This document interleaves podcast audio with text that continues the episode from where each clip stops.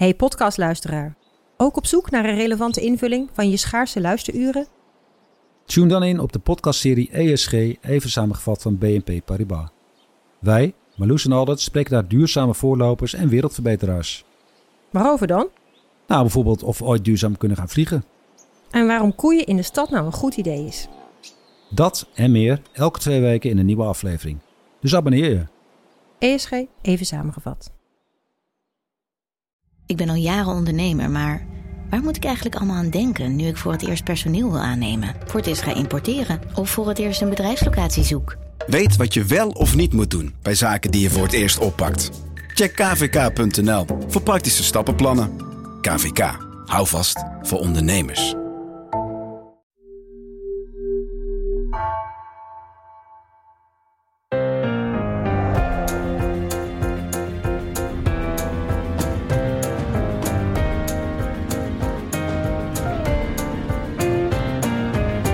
Dit is Haagse Zaken van NRC. Mijn naam is Guus Valk. De twee grootste partijen van het kabinet Rutte 4 zijn allebei liberale partijen, de VVD en D66. Ze hebben het allebei moeilijk. Denk aan de felle interne debatten over stikstof en asiel.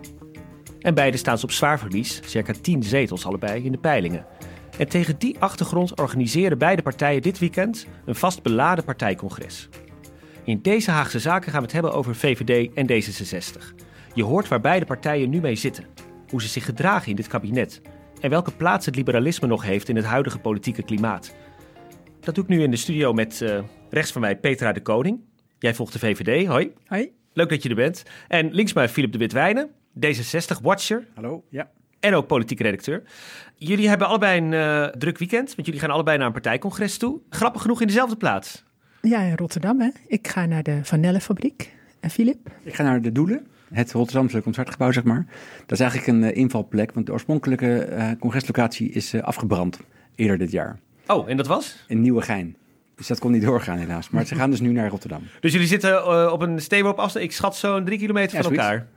3,8 kilometer geloof ik. Tussen de Vanellenfabriek en de Doelen. We gaan naar elkaar zwaaien. Ja, ik wou zeggen, jullie kunnen elkaar bijna horen als je met stemverheffing uh, spreekt. Het is wel een grappige analogie dat beide partijen die toch al vrij dicht bij elkaar staan... ook nog eens op hetzelfde moment, ook nog eens in dezelfde stad een uh, partijcongres organiseren.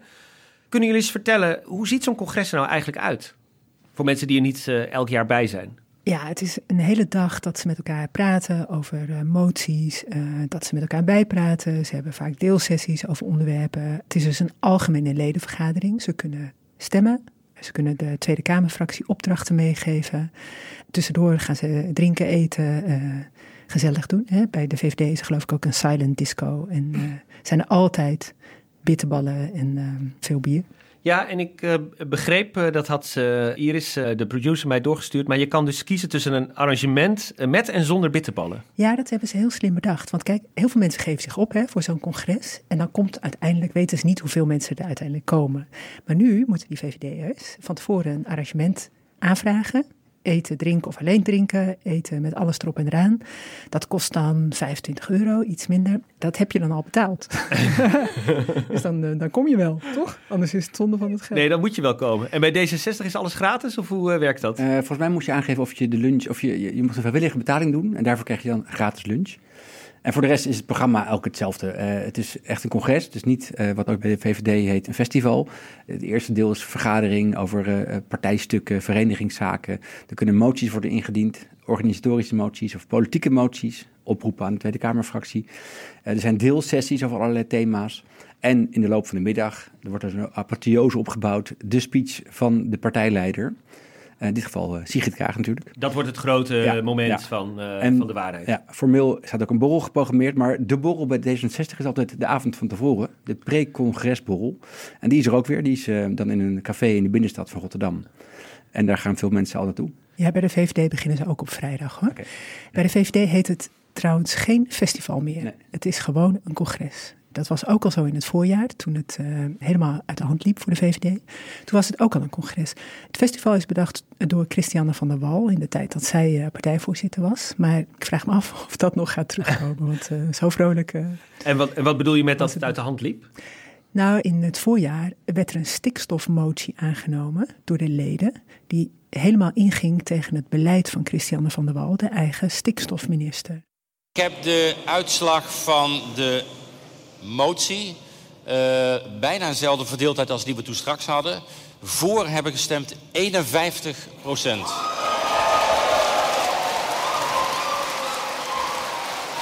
En 49 procent tegen. Uh, ik denk aan de bij. Ja, jullie hebben er sowieso heel veel werk van gemaakt om je ook goed te verdiepen in de materie. Dat is natuurlijk super belangrijk. Dat hebben de andere dealers ook gedaan.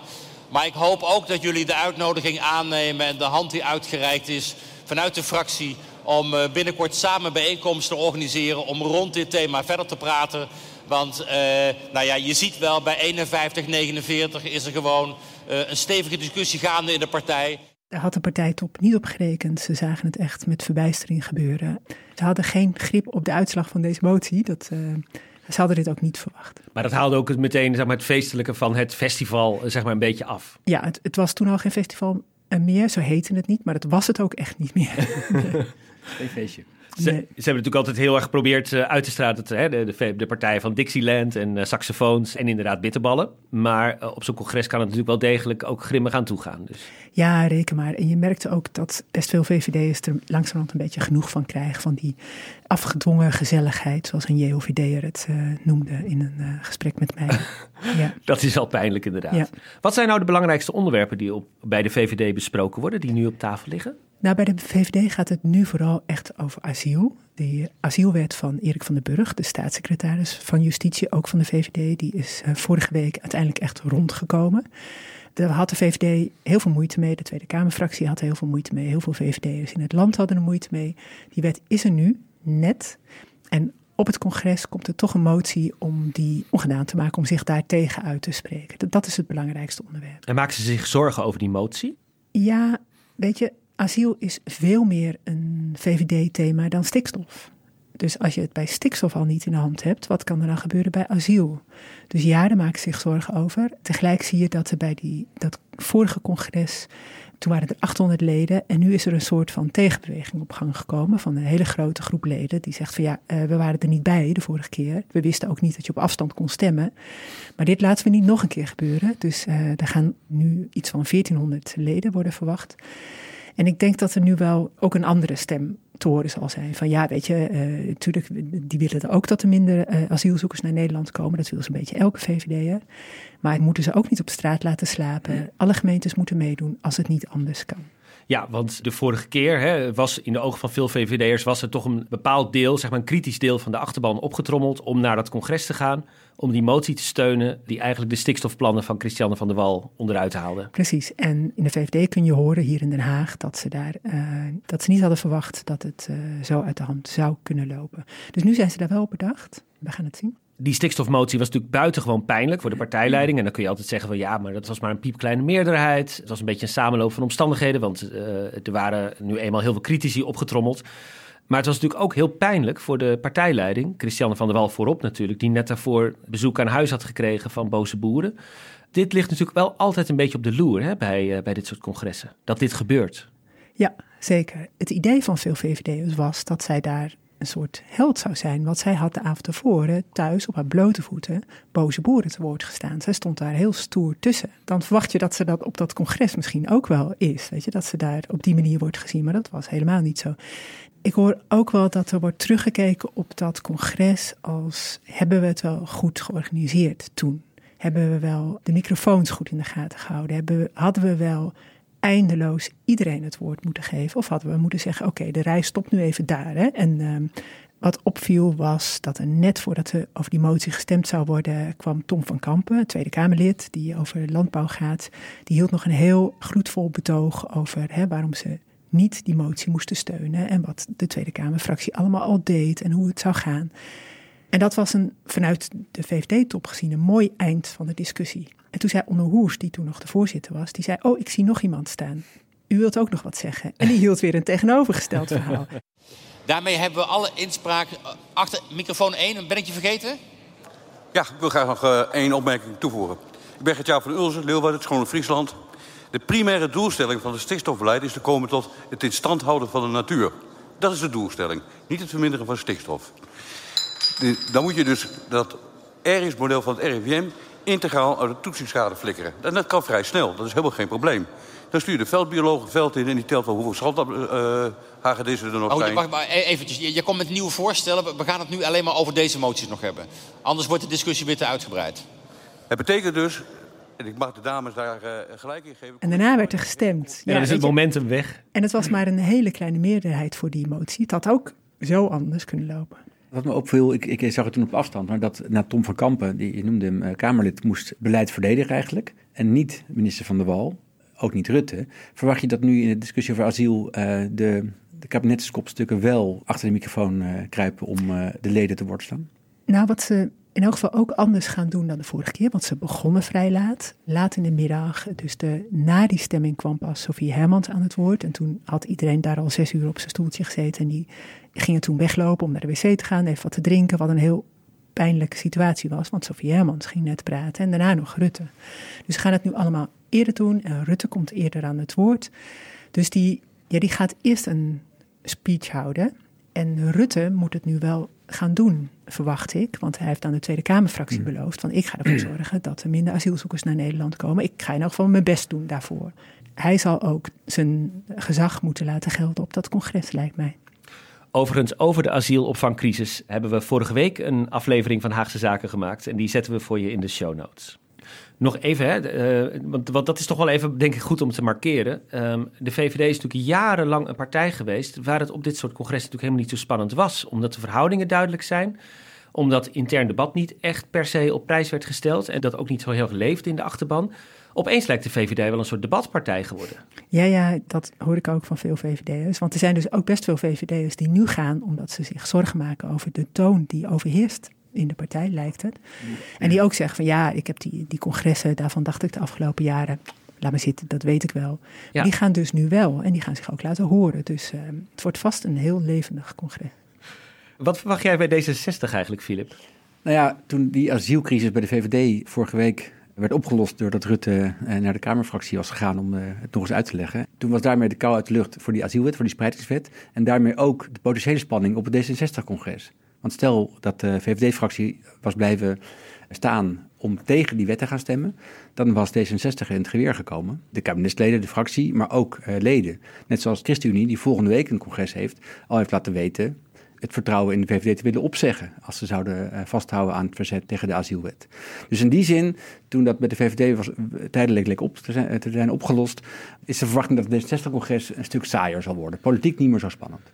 Is uh, Sigrid Kaag dan nog altijd de onbetwiste partijleider? Leeft dat zeg maar ook, wat de VVD echt lange tijd met Rutte had? Ja, op een andere manier uh, niet. Uh, kijk, ze is natuurlijk pas net partijleider. Ze heeft uh, de verkiezingen glansrijk gewonnen anderhalf jaar geleden. Is pas twee jaar partijleider. Maar ze is niet zo zichtbaar. En dat vinden veel leden wel een probleem. Er is sowieso een groot deel kritisch in de achterban op de partijleiding op het kabinetsbeleid of, of dat de fractie te veel misschien mee, soms meelult of te weinig afstand neemt van VVD en CDA-standpunten. Mm -hmm. Maar Kaag is niet zo zichtbaar. En dat wordt haar wel verweten in, in, stilte, niet, niet echt openlijk. Er wordt ook beweerd dat ze het niet zo leuk vindt en dat ze er misschien geen zin meer in heeft.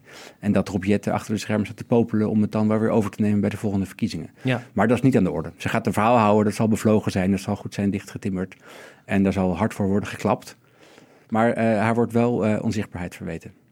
Nou worden er uh, altijd moties ingediend hè, in, op, op die congressen. Ik zag, uh, Petra, dat er een motie van Mark Thiessen, die hier in Den Haag bekend is als voormalige campagnestratege van Rutte, wordt besproken en daarover wordt gestemd. Kun je daar iets meer over vertellen? Ja, dat is een motie die vooral over de VVD zelf gaat. Van die groep leden die zich zorgen maakt hè, over hoe de discussies gaan in de VVD. Dat het wel heel erg hard is. En dat bijvoorbeeld ook dat de VVD'ers in de Telegraaf zeggen dat het kabinet maar moet vallen. Weet je, dat hij niet meer koste wat het kost moet willen meedoen. In zijn motie staat: Het bestuur maakt zich hard voor het handhaven van normen voor gezond debat. Gezond debat is ook de titel van deze motie. Mm. Ze moeten hun meningen baseren op feiten en realisme. Discussies zijn er niet om te winnen, maar om tot betere standpunten te komen. Je moet respect hebben voor elkaar, naar elkaar luisteren. Uh, nou ja, goed, weet je, dit zegt iets over de zorgen die er echt wel zijn bij uh, best veel VVD'ers. En, uh, en dat is misschien nog een uh, belangrijkere motie, of, of, gevoeliger, is dat er ook een motie dus uh, zal komen, in stemming zal worden gebracht om de asielwet van het kabinet, hè, van partijgenoot Erik van den Burg, onderuit te halen. Precies. Dat wordt natuurlijk echt het spannende moment. Ja, dat, weet je, dat, daar draait het om. Weet je, moet die wet alsnog worden teruggedraaid in de ogen van het congres of niet? Maar er is ook een motie van de JOVD en die steunt juist de wet van Van den Burg. Daar zou ook over gestemd worden. En weet je, er komt ook een motie over dat je verblijfsvergunning niet aan iemand moet geven na vijf jaar. Als die in vijf jaar in Nederland is, maar uh, pas na tien jaar. Dat je dan pas voor onbepaalde tijd in Nederland kan blijven. Dus om het asielbeleid strenger te maken. Ja. En er gaat een motie over dat de proeverijen voor kweekvlees moeten worden toegelaten in Nederland. Dus uh, dat liberaal-groen heb je ook nog. groen rechts. Bij, bij D66 wordt uh, over Maurice de Hond gestemd, Filip. Dat moet je even uitleggen. Ja, er zijn talloze moties. En één motie uh, die is wel aardig. Uh, er wordt gevraagd aan het partijbestuur om niet langer in zee te gaan met uh, opiniepeiler Maurice de Hond. En hoe zit dat? Bij de gemeenteraadsverkiezingen afgelopen voorjaar, toen had de partij bij Maurice de Hond een peiling laten uitvoeren bij sommige grote gemeenten, bij sommige steden.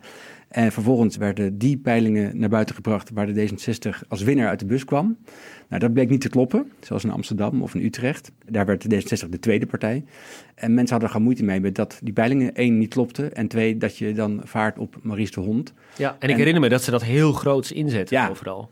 En, en dat het ook werd gespind als uh, we gaan winnen. Dus dat was, uh, nee, daar, daar is de kritiek op. Uh, de, de motie wordt overigens ontraden door het partijbestuur, omdat ze de vrijheid willen houden om met enquêtes en met opiniepeilingen te werken. Is dat niet ook een beetje onvrede met hoe D66 toch ook eigenlijk een campagnepartij is geworden? Waar het heel erg gaat over beeld en over hoe je naar buiten overkomt. Dat denk ik zeker. En, hoe je dingen spint. Dat het gaat hier ook om een, een, motie vanuit leden, vanuit kritische leden, die vinden dat je moet eerlijke politiek voeren en niet gekunsteld, niet met marketing bezig zijn, niet te veel met het electoraat. Dat is natuurlijk heel belangrijk als, als politieke basis voor je machtspositie en voor je, voor je verkiezingsoverwinning. Maar leden vinden dat je, dat je wel eerlijk moet spelen. Dus ik ben benieuwd of die motie wordt aangenomen. Maar ook, er zijn ook moties, ik zag net nog een motie die is veel, um, ik kan bijna zeggen infantieler, maar ik bedoel onschuldiger. Er wordt opgeroepen om congres, de congres van D66 meer kindvriendelijk te maken. Dat mensen hun eigen kinderen kunnen meenemen. Dus er moet een, een speelplaats komen en een knutselbak en uh, dat soort moties komen ook voorbij. Nou, uh, noem jij even Maurice de Hond en peilingen. Ironisch genoeg staat D66 in de peilingen natuurlijk helemaal niet zo goed voor. Ik, ik zag in de peilingwijzer dat ze op min 10 staan. VVD overigens ja, ook. Op 14 zetels waar ze nu 24 hebben. Echt wel een enorm verlies natuurlijk. Dat, dat oude mantra, hè? de regeren is halveren voor D66. Dat is in dit geval ook bijna zo. Hebben ze daar een verklaring voor bij D66, hoe dat komt? Nou ja, ik praat met veel mensen uit de partij. En wat, het beeld dat ik eh, daaruit eh, destilleer is... Kaag heeft de verkiezingscampagne vorig heel goed gedaan. Ze was nieuw partijleider, propageerde nieuw leiderschap. Ze was een zichtbare vrouw die de debat heel goed deed tegen Wilders bijvoorbeeld en won die verkiezingen uh, vrij glansrijk. Ze had wel concurrentie van Volt, waardoor uh, de uitslag misschien nog wel groter had kunnen zijn als Volt er niet was geweest. En ze wilde ook eigenlijk afrekenen met het eerdere kabinet waar D66 in had gezeten. Wilde afrekenen met, met Rutte, die zo onder vuur lag vanwege ja, de oude bestuurscultuur. Het bekende uh, 1 april debat, beruchte 1 april debat met um, de omzichtfunctie elders toestand. Kaag zette zich af tegen Rutte, maar ging uiteindelijk in die formatie toch weer in zee met Rutte. Ze heeft lang vastgehouden aan uh, een zo progressief mogelijk kabinet. Ze had recht van spreken als tweede partij. Rutte was verzwakt. Maar uiteindelijk heeft D66 de keuze gemaakt om niet aan links te blijven hangen, aan PvdA en GroenLinks, maar toch te laten gebeuren dat ChristenUnie aanschoof en dat Rutte en CDA elkaar vasthielden. Ja. Dus het werd toch een kabinet meer door het midden en minder progressief, minder links dan veel leden van de partij hadden, uh, hadden gewild en aan Kaag ook wel had beloofd. Nou, dat is misschien verwijt één. En veel kiezers vinden uh, het lastig dat Kaag dus ook terug is gegaan in die oude bestuurstijl. Mm -hmm. Ook uh, de verdeling van de ministeries. Zij wilde heel graag, uh, nou ja, als vicepremier wilde ze ook het ministerie van Financiën opeisen, wat veel mensen onbegrijpelijk vonden. Zichzelf doen ze dat prima wat mij betreft, maar daar is kritiek op. Ze hebben op zich goed onderhandeld. Het coalitieakkoord is vrij toegesneden op D66-standpunten. Maar wordt er ook wel gezegd dat ze makkelijk met CDA en VVD meedansen als die zich kritisch uiten. Uh, bijvoorbeeld stikstof, asiel, dan hoor je ze steeds zeggen, we houden ze aan de afspraken. Maar uh, in de debatten vind ik dat ze dan niet heel fel het D66-standpunt uh, verwoorden. In, in de asielruil heb ik eigenlijk de D66-woordvoerder niet zo gehoord. Die, die is dan heel stil, die gaat dan de asieldeal van de zomer uitleggen. Maar dat vinden D66-kiezers lastig. Die vinden dat zij dan eerder afstand moeten nemen tegen de mogelijk muitende coalitiepartners, in dit geval VVD en CDA. Dus de achterban is best kritisch. Maar als je naar bijvoorbeeld de VVD kijkt, dan zijn ze juist heel erg ja, bijna jaloers op hoe D66 zoveel heeft binnengehaald. En ook dit regeerakkoord kan ownen bijna. Toch? Daar kijken ze heel anders naar. Uh, D66. Ja, zeker. Een heel belangrijk verwijt van kritische VVD'ers is dat de VVD zich in een D66-coalitieakkoord heeft mm. laten uh, rommelen. Dus ja, je kunt je afvragen of dat echt zo is, omdat je aan het verkiezingsprogramma van de VVD bij de laatste Tweede Kamerverkiezingen al kon zien dat die partij naar het midden aan het opschuiven is. Ja. Dat moet je dan ook terugzien in het regeerakkoord. Voor de wat rechtsere club in de VVD en een wat conservatievere rechtse club, bijvoorbeeld die um, in klassiek liberaal zitten.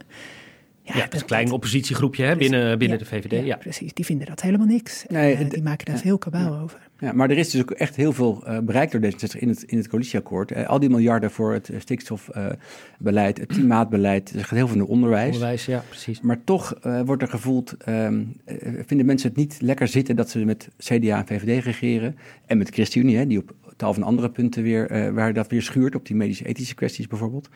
Een deel van de achterban, dan heb ik het even over de betrokken leden, de kritische leden, die zijn toch echt een stuk uh, progressiever. Die hadden toch liever gezien, ook richting de toekomst, om linksaf te gaan. Niet per se te fuseren met de partijen die nu uh, met elkaar uh, in een vrijage zitten, GroenLinks, PvdA, maar wel met hun samenwerken, om een, een stevige machtsblok op links te vormen tegen, het, uh, tegen toch de rechtse meerderheid in het, in het parlement ook. Tegen vooral ook de extreemrechtse kant in, in het parlement.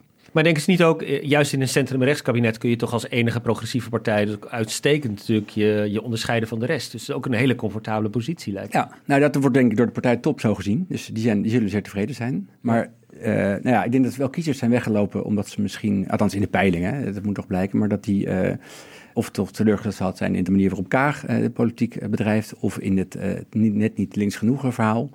Maar vooral die actieve leden die vinden dat lastig. Die vinden dat moeilijk te, te verkroppen. Dat ze toch liever links-progressief zouden willen zijn. Links-liberaal, progressief-liberaal. En dan toch aan de hand met, nou ja, Hoekstra van het CDA en Rutte van de VVD lopen. Maar volgens mij, Filip, zie je wel veel meer onrust bij de achterbannen van de andere coalitiepartijen dus openlijk onrust. En, en Absoluut. meer naar buiten. Het is niet altijd openlijk. Je hebt een harde kern van critici, ja. heb je bij alle partijen. Ik zie vooral uh, eigenlijk uh, heel veel kritiek uit het bolwerk Utrecht komen. Dat is een grote afdeling. Dat is een stevige uh, deel van de partij. Daar komen altijd ook wel kritische moties vandaan. Dus dat geluid hoor je. En het is een beetje een worsteling met welke kant moet, moet D66 in de, in de nabije toekomst op. En wat hoor jij als je, jij, jij bent heel veel het land in Petra en je spreekt heel veel lokale VVD'ers. Hè? Maken die mensen zich ook zorgen van hoe herkenbaar zijn wij als VVD eigenlijk in deze coalitie? Ondanks dat we de grootste zijn? Ja, zeker. En dat hoor je eigenlijk van alle kanten. Dus van VVD'ers die zich wat progressiever noemen of wat conservatiever. Ze vinden eigenlijk allemaal wel dat je in die twaalf jaar dat de VVD al meeregeert in kabinetten Rutte dat ze daar heel veel problemen hebben opgelost voor het land. Dus dat het ook wel heel goed is dat ze hun verantwoordelijkheid hebben genomen. Maar dat het wel steeds problemen oplossen was. En dat het, het, liberale verhaal, de ideologie, eh, op de achtergrond is geraakt. En dat je die ook niet terugziet. Mark Thiessen noemde het een lege huls die de, die de VVD is geworden. En in 2019 kwam Klaas Dijk, of die, die had dat ook door, die was toen fractievoorzitter nog. En die schreef een verhaal voor de VVD. En, en dat moest een nieuw verhaal worden iets meer naar het midden, minder gericht op de grote bedrijven. En meer op de middeninkomens, allemaal wat. Weet je, de, de uitwassen van het kapitalisme moesten worden bestreden. En ja, daarna had je de coronacrisis. Die discussie is toen nauwelijks gevoerd. En er moest steeds, ook vanaf die tijd weer, moesten er steeds problemen worden opgelost. En vinden VVD'ers ook dat ze te weinig krediet krijgen voor uh, hoe ze het ook maar in crisistijd hebben gedaan? Speelt dat ook mee? Nou, ik heb ook wel een VVD-wethouder uit Rotterdam gesproken, Tim Versnel, die zei van, kijk, economisch gezien gaat het eigenlijk nog best goed met Nederland. De werkloosheid is heel erg laag en ook met de criminaliteit valt het heel erg mee. Dat zijn dingen die wij VVD'ers toch altijd heel erg belangrijk hebben gevonden. Moet maar eens gezegd worden. Ja, wie zegt dat nog tegenwoordig? Ja, ja, ja, ja, ja. De grote belofte bij D66, hè, bij Sigrid Kaag, was natuurlijk ook de nieuwe bestuurscultuur. Hè, die Rutte afkondigde, maar waar zij eigenlijk dan de soort van representatie uh, van moest zijn. Maar je noemde net haar onzichtbaarheid. Hè? Dat maakt D66ers dus wel bezorgd. Ja, en um, Kaag is dit jaar intern politiek vooral zichtbaar geweest als er dingen misgingen in de partij. En wij hadden begin dit jaar, op april was het eigenlijk deel 2 van de affaire van Drimmelen, die voormalige partijadviseur die beschuldigd werd van um, grensoverschrijdend gedrag. Dat is ook onderzocht.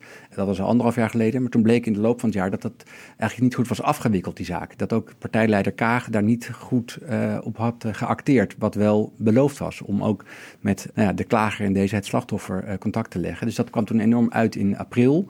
Peter, jij was erbij bij die beruchte persconferentie waarin Kaag zich moest verdedigen tegen de landelijke pers. Was, werd het mij ook live op televisie uitgezonden. Ja. Had het echt moeilijk mee. En ze heeft beterschap beloofd, ook in de partij zelf, om daar een, een veiliger werkcultuur te creëren. Uh, dat het makkelijker werd voor mensen die zich onveilig voelen om zich te melden. Maar goed, uh, de kwestie van Drimmelen was nog niet in de media althans afgelopen. Of er kwam alweer een volgende kwestie die wij aan de kant hebben opgeschreven over uh, het Europarlementslid Samira Rafaela.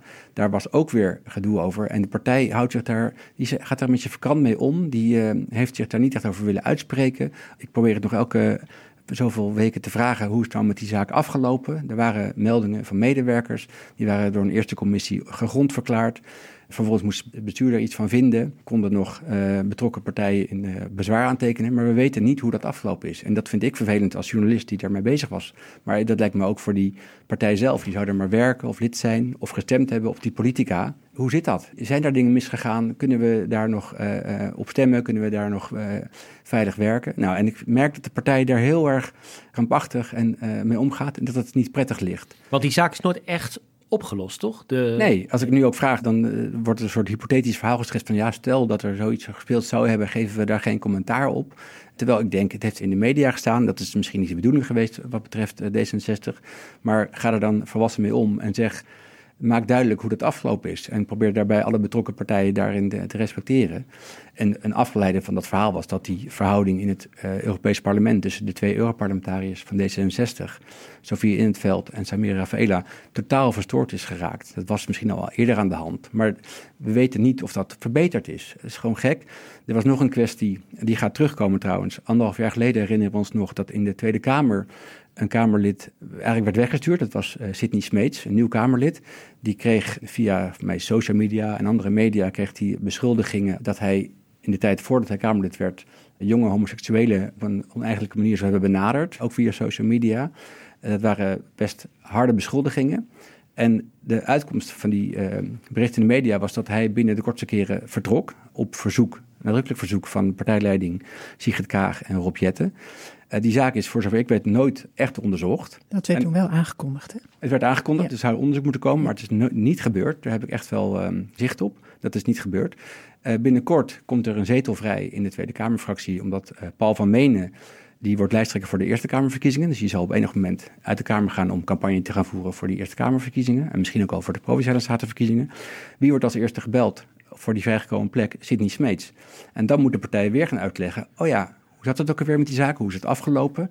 Is er onderzoek gedaan? Is hij van alles met de vrij? Of is er, hangt er nog een luchtje aan?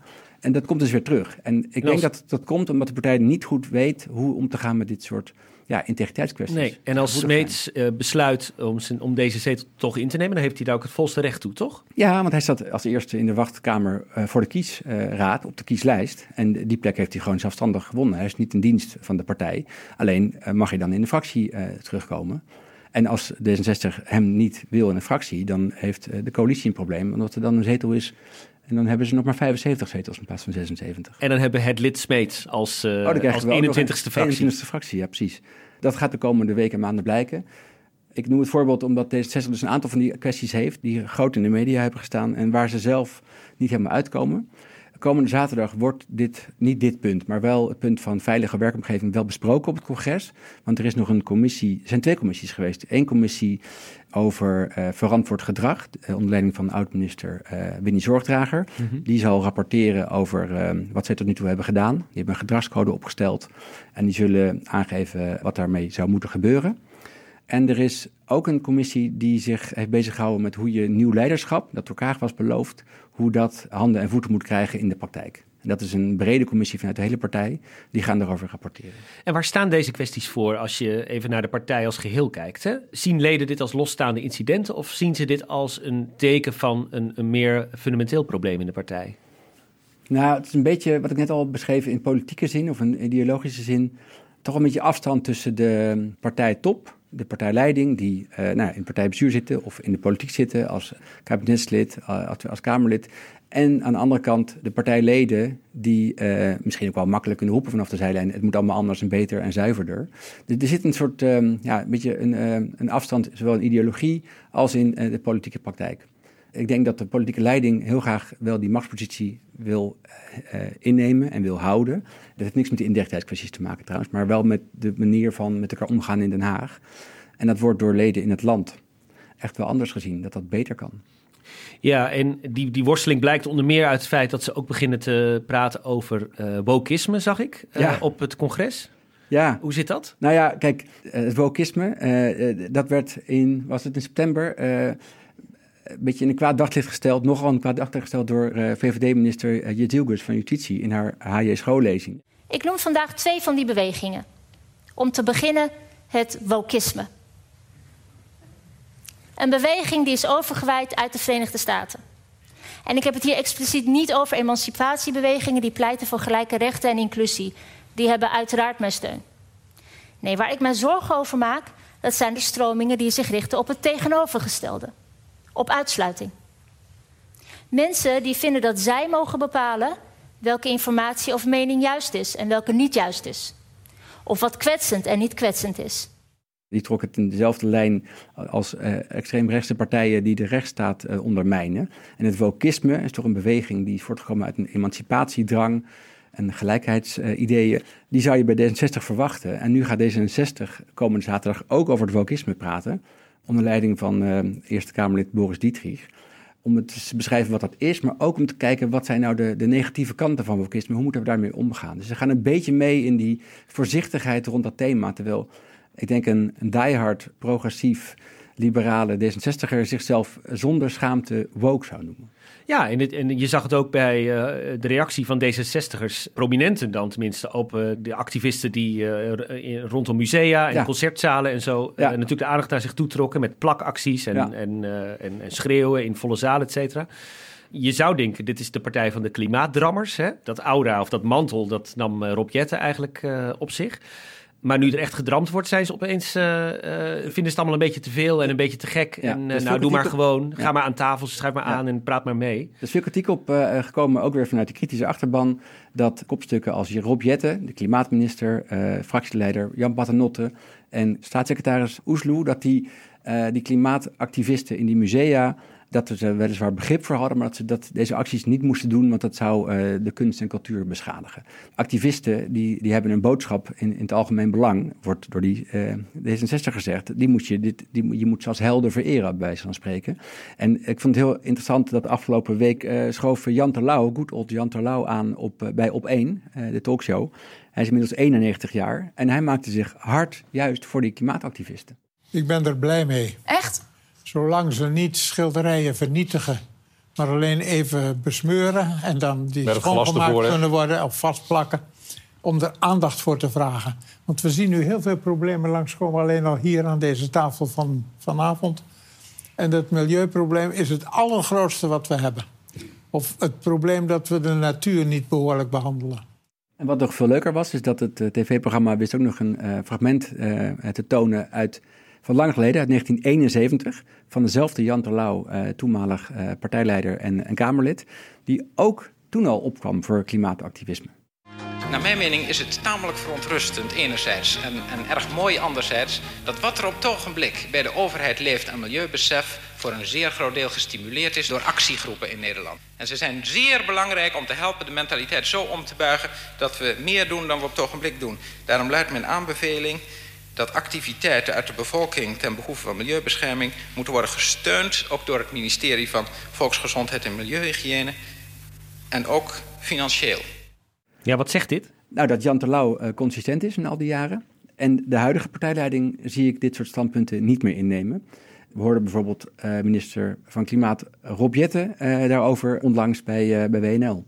Ja, ergens begrijp ik de wanhoop en de urgentie die heel veel mensen voelen voor uh, meer klimaatactie om die opwarming van de aarde af te remmen. Maar actie voeren waarbij je ja, spullen van anderen beschadigt, dat is denk ik nooit de juiste manier om je punt te maken. Ik zou mensen gewoon vooral willen oproepen om op een uh, manier zonder dat je andere mensen lastigvalt of andere spullen kapot maakt, je punt te maken. Want dat is uh, veel effectiever. Nou, de staatssecretaris van Cultuur heeft afgelopen week namens het kabinet uh, gereageerd over het belang om cultureel erfgoed ook uh, op een goede manier uh, te beschermen. Um, en nou, ik heb er zelf ook even voor gekozen, die, het vastlijmen aan een studiotafel. Ja, dat moeten activisten zelf weten. Maar volgens mij, als je veel Nederlanders wil meekrijgen in het belang van mm -hmm. klimaatactie, dan moet je echt een andere manier. Maar bij deze dus die, die acties op die manier vastlijmen aan een schilderij. Niet meer doen. niet meer drammen. Nee, en Jan de Lauw is het niet mee eens. Dat weet ik wel zeker. Spelen dit soort kwesties ook over hè, wie, wie zijn we en, uh, en waar moet het naartoe? Ook bij de VVD, Petra? Nou, zeker wel. Wie zijn we na twaalf jaar um, als grootste partij meeregeren en de premier leveren? Dus dat speelt heel erg. Weet je, wat willen we? Uh, wat is ons verhaal? Hoe gaan we, uh, met wie gaan we de volgende verkiezingen in? Wat voor partij willen we zijn? Wat wordt ons verhaal na zo lang problemen oplossen, compromissen sluiten? Altijd maar water bij de wijn doen. Dat staat ook dit weekend wel uh, op het programma. Dit, is voor hen uh, natuurlijk onbekend terrein, want ze hebben nooit eerder in hun geschiedenis meegemaakt dat ze zo lang de grootste partij zijn. Dat kennen ze niet. Dat is CDA-achtig, maar dat kennen ze niet. Nee, ze kennen natuurlijk wel de voorbeelden van andere partijen. Wat er dan na zo lang. Dan gaat het altijd mis. ja. Een machtspartij wordt en dan, ja. uh, dan in elkaar stort. Ja juist omdat het uh, op een gegeven moment de, de, macht natuurlijk vanzelfsprekend wordt. En uh, debat uh, is altijd natuurlijk ook de macht uitdagen. Dat is natuurlijk helemaal niet de bedoeling. Nee, dus dat is ingewikkeld. Ja, dat is ingewikkeld. Daar zitten ze mee. En dat geldt denk ik voor beide partijen wel een beetje. Hè? Het zijn nu de twee grootste partijen in Rutte 4. Hartstikke machtig. Maar het fenomeen machtspartij, dat is toch relatief nieuw voor deze twee liberalen. Hè? Want voor de VVD en D66 geldt natuurlijk allebei dat ze dit niet zo gewend zijn. Deze rol te spelen.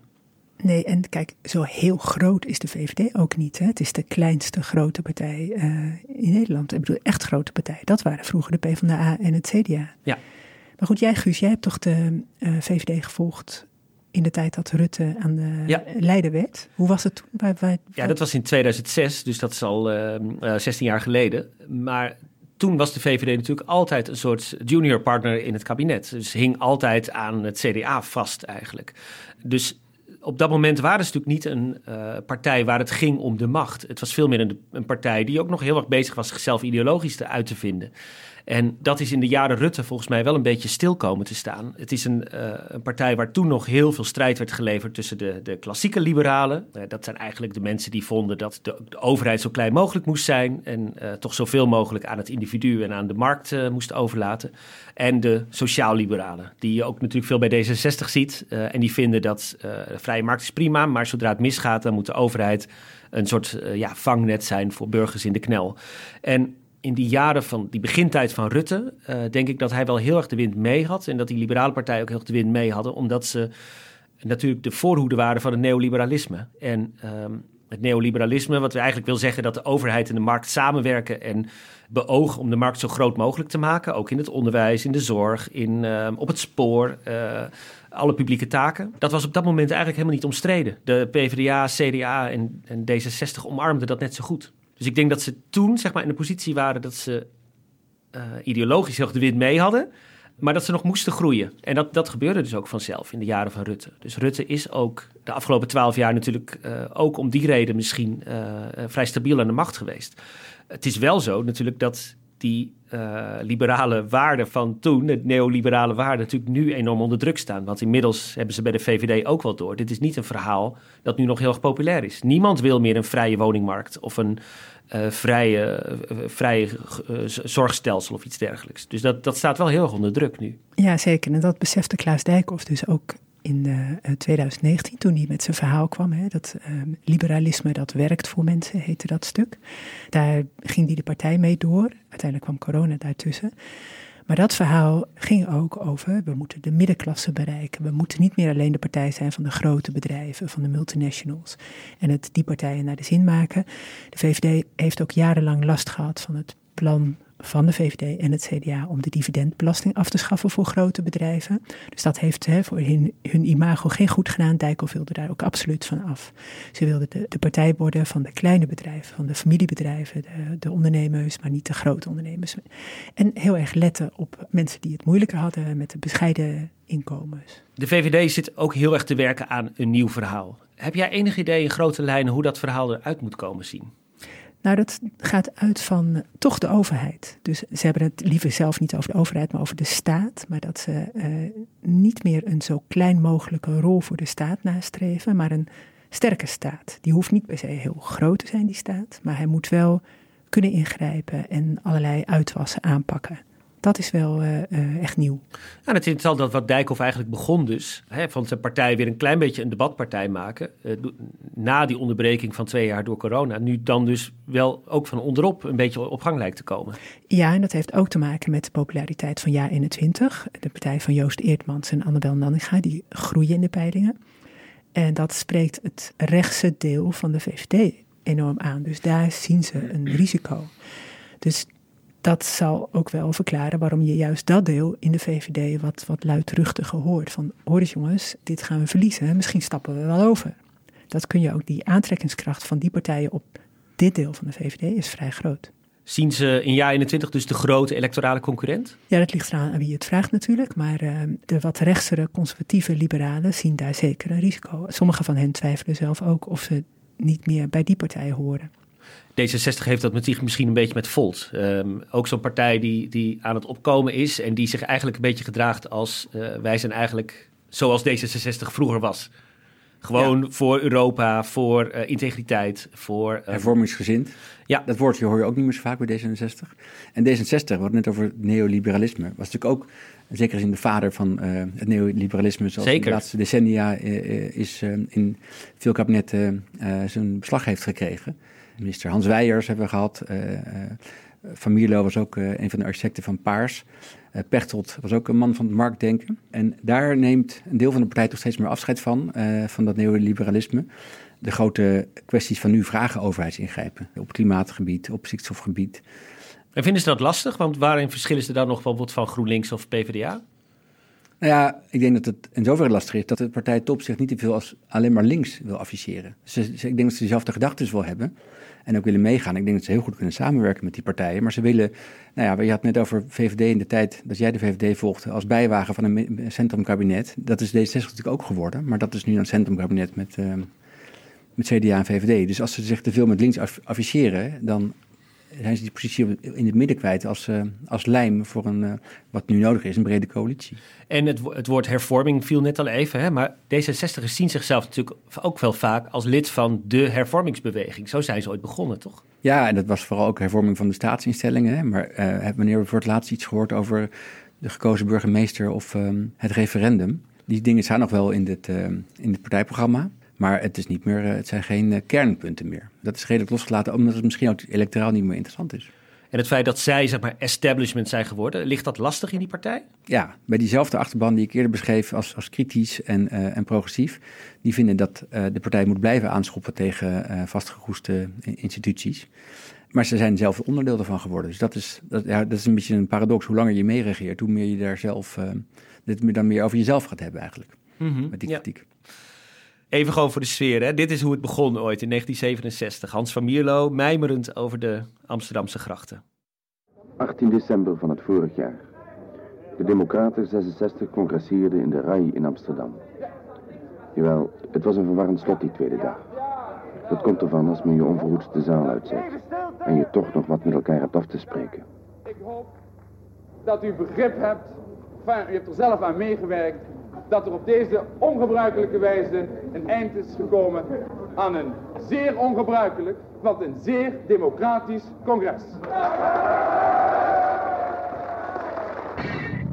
Democratisch. Ja, dat was het wel. En dat mag ook wel als je je ongerust maakt, juist over de democratie. We waren ongerust. Over de politieke situatie in ons land. Over de verwarring en de ondoorzichtigheid over de tanende invloed van de kiezers, over de ontoereikendheid van de verouderde politieke spelregels, over de onbewegelijkheid en de verstarring van het partijenstelsel. Dit zijn twee liberale partijen in een eigenlijk centrumrechtskabinet met twee confessionele partijen. Kun je zeggen dat, dat VVD en D66 trouwens ook het meest met elkaar optrekken in Rutte 4? Of juist niet? Nou, je ziet de laatste tijd wel dat Rutte en uh, Kaag het goed met elkaar kunnen vinden. Dus die hebben in het kabinetsvak veel contact met elkaar. In groot contrast met, met vorig jaar, het jaar van de formatie, hè, 1 eh, april debat en daarna zaten ze vaak bij elkaar in de Kamer, of nog wel als Kamerlid, of daarna uh, in vak K. En ze keken elkaar niet aan. Dat ging helemaal niet goed. Dat spatte er vanaf. En inmiddels zie je ze grapjes maken, hebben ze, zijn ze wat warmer met elkaar. En dan heb je nog Wopke Hoekstra van het CDA. Een soort moeizame driehoeksverhouding. En ik heb het gevoel dat uh, Kaag Hoekstra wat, wat nog eens wat koelder is dan, uh, dan Kaag Rutte inmiddels. En Rutte Hoekstra, wat is jouw beeld daarvan? Ja, dat, dat ziet er zo van een afstand niet nee. uh, super warm uit of zo. Nee. nee. Kun je zeggen dat, uh, want heel veel, heel veel crises die er op dit moment zijn, vereisen eigenlijk overheidsingrijpen. Hè? Denk aan uh, stikstof bijvoorbeeld. Dat kun je niet aan het individu of, of aan de markt overlaten.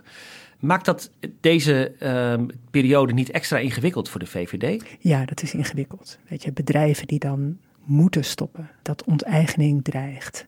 Maar ook uh, het verhaal over de, de asielwet, weet je, dat gemeentes verplicht worden om asielzoekers op te nemen. Dus, hè, dwang, hè, dat wordt alleen al. Ja, ja, ja, ja. dus dat, is, uh, dat ligt heel gevoelig. Ja. Is, hè, dat zit ik even gewoon afsluiten te denken hoor, maar is het niet een tijd sowieso, maar dat geldt net zo goed voor D66 als voor de, voor de VVD, dat het gewoon heel erg lastig is om een liberale partij te zijn. Omdat je juist als je heel erg hamert op die liberale beginselen, uh, die natuurlijk heel mooi klinken, maar die niet makkelijk toepasbaar zijn op de uitdagingen van deze tijd, zal ik maar even zeggen is het heel moeilijk misschien om, om toch je eigen verhaal te blijven vertellen. En om iets anders te zeggen dan de andere partijen doen. Is dat niet ook gewoon een, een beetje een onhandigheid? Verklaart dat niet ook waarom ze het slecht doen in de peilingen bijvoorbeeld? Of zit ik er te veel achter te zoeken? Nee, dat zou heel goed kunnen hoor. Want je ziet dat uit allerlei onderzoeken komt dat er weinig vertrouwen is in de overheid, dat er weinig vertrouwen is in de politiek. Dat is ook niet het moment om te zeggen, trouwens burgers, jullie moeten het vooral zelf doen, als individu. Dus dat, kunnen ze ook niet zeggen op dit moment. Wat me nog lastig lijkt voor D66 is dat de, de grote dingen waar D66-ministers over gaan, uh, ik noem even klimaat van Jette, die resultaten daarvan zie je niet binnen deze kabinetsperiode. Je hoort nu alleen maar tussenstanden dat we die doelen niet gaan halen. Dat straalt af op Rob Jette. En 2030 is echt nog ver weg. Dan zijn we alweer twee verkiezingen verder. Dus dat lijkt me heel lastig voor D66 om, uh, wat dan altijd moet als je regeert, de resultaten te laten zien. Dat um, is moeilijk voor haar om te verkopen bij de volgende campagne. Ja. Dank jullie wel, Philip de Witwijnen en uh, Petra de Koning. En jij ook weer bedankt voor het luisteren. De redactie en productie van deze aflevering waren in handen van Iris Verhulsdonk. Montage door Pieter Bakker. En volgende week is er weer een Haagse Zaken. Dan weer met Lemmia. Tot dan!